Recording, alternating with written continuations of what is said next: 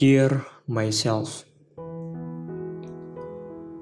percaya gak sih, setiap di awal tahun rasanya menyenangkan sekali, karena akan terasa seperti memperbarui hidup.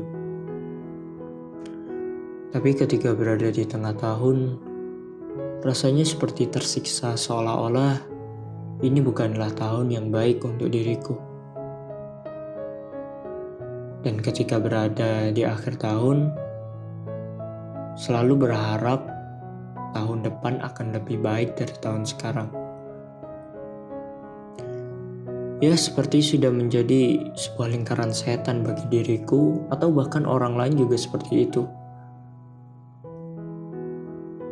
Coba pikir, jika setiap berganti tahun atau menjalani kehidupan selama setahun seperti itu, maka bisa diartikan bahwa hidup yang dijalani tidak ada bedanya dari tahun ke tahun karena selalu melakukan hal yang sama di setiap tahunnya. Lalu, mengapa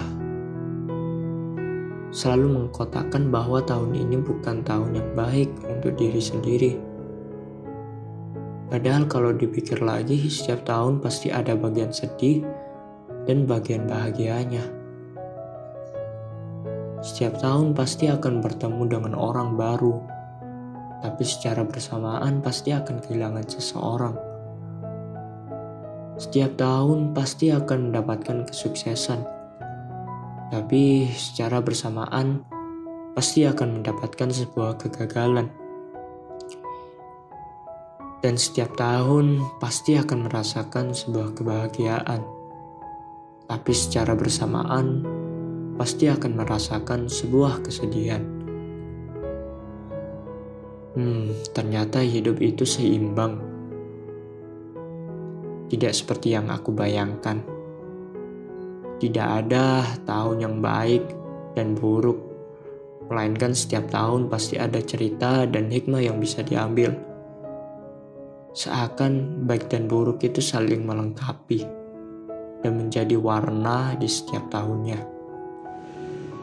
Jadi, hal yang terpenting adalah kesiapan, dan kedewasaan dalam menyikapi setiap momen yang terjadi di setiap tahunnya, entah itu baik atau buruk.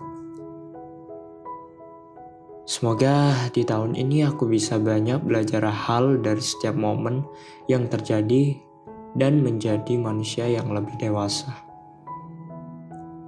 Selamat tahun baru 2022.